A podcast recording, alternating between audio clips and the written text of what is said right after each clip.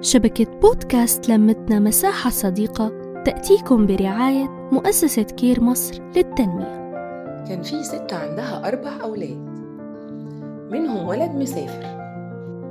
كانت كل يوم الصبح تقوم تخبز العيش. وفي يوم شافت راجل أحدب معدي تحت البيت. طلعت له من الشباك رغيف عيش.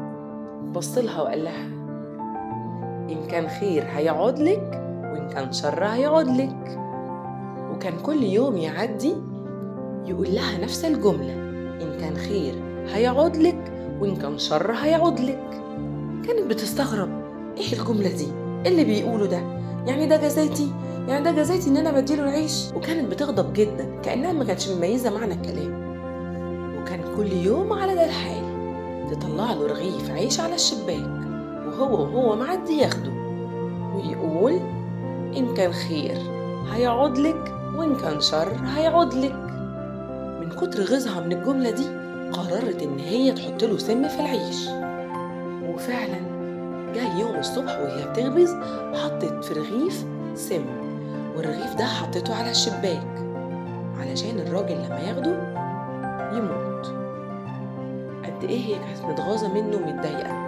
وبعدين أول لما سمعت صوته بيقرب من الشباك خافت وطلعت تجري على الشباك وأخدت الرغيف المسموم.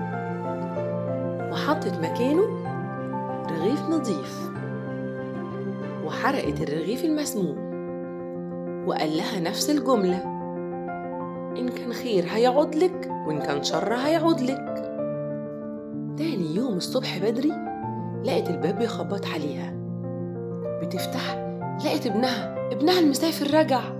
بس كان شكله متبهدل هدومه متبهدلة وشكله شكله تعبان جدا أول لما شافته اتخضت قالت له أنت كويس؟ أنت سليم؟ فيك حاجة؟ قال لها أنا جيت بصعوبة ومشيت طريق طويل جدا وكنت هموت وما كنتش هاجي أصلا الطريق كان صعب قوي وما كنتش هوصل هنا إلا بفضل الله وبعده كان في راجل أحدب معدي عطاني رغيف هو ده اللي خلاني أقدر أقوم وأمشي من تاني وأرجع لكم. تخيلي يا ماما ما كانش معاه غير رغيف واحد ولما شافني بالحالة دي قال لي خده أنت أولى بيه مني. أنت النهاردة محتاجه أكتر مني. سمعت ابنها وافتكرت. يعني إيه؟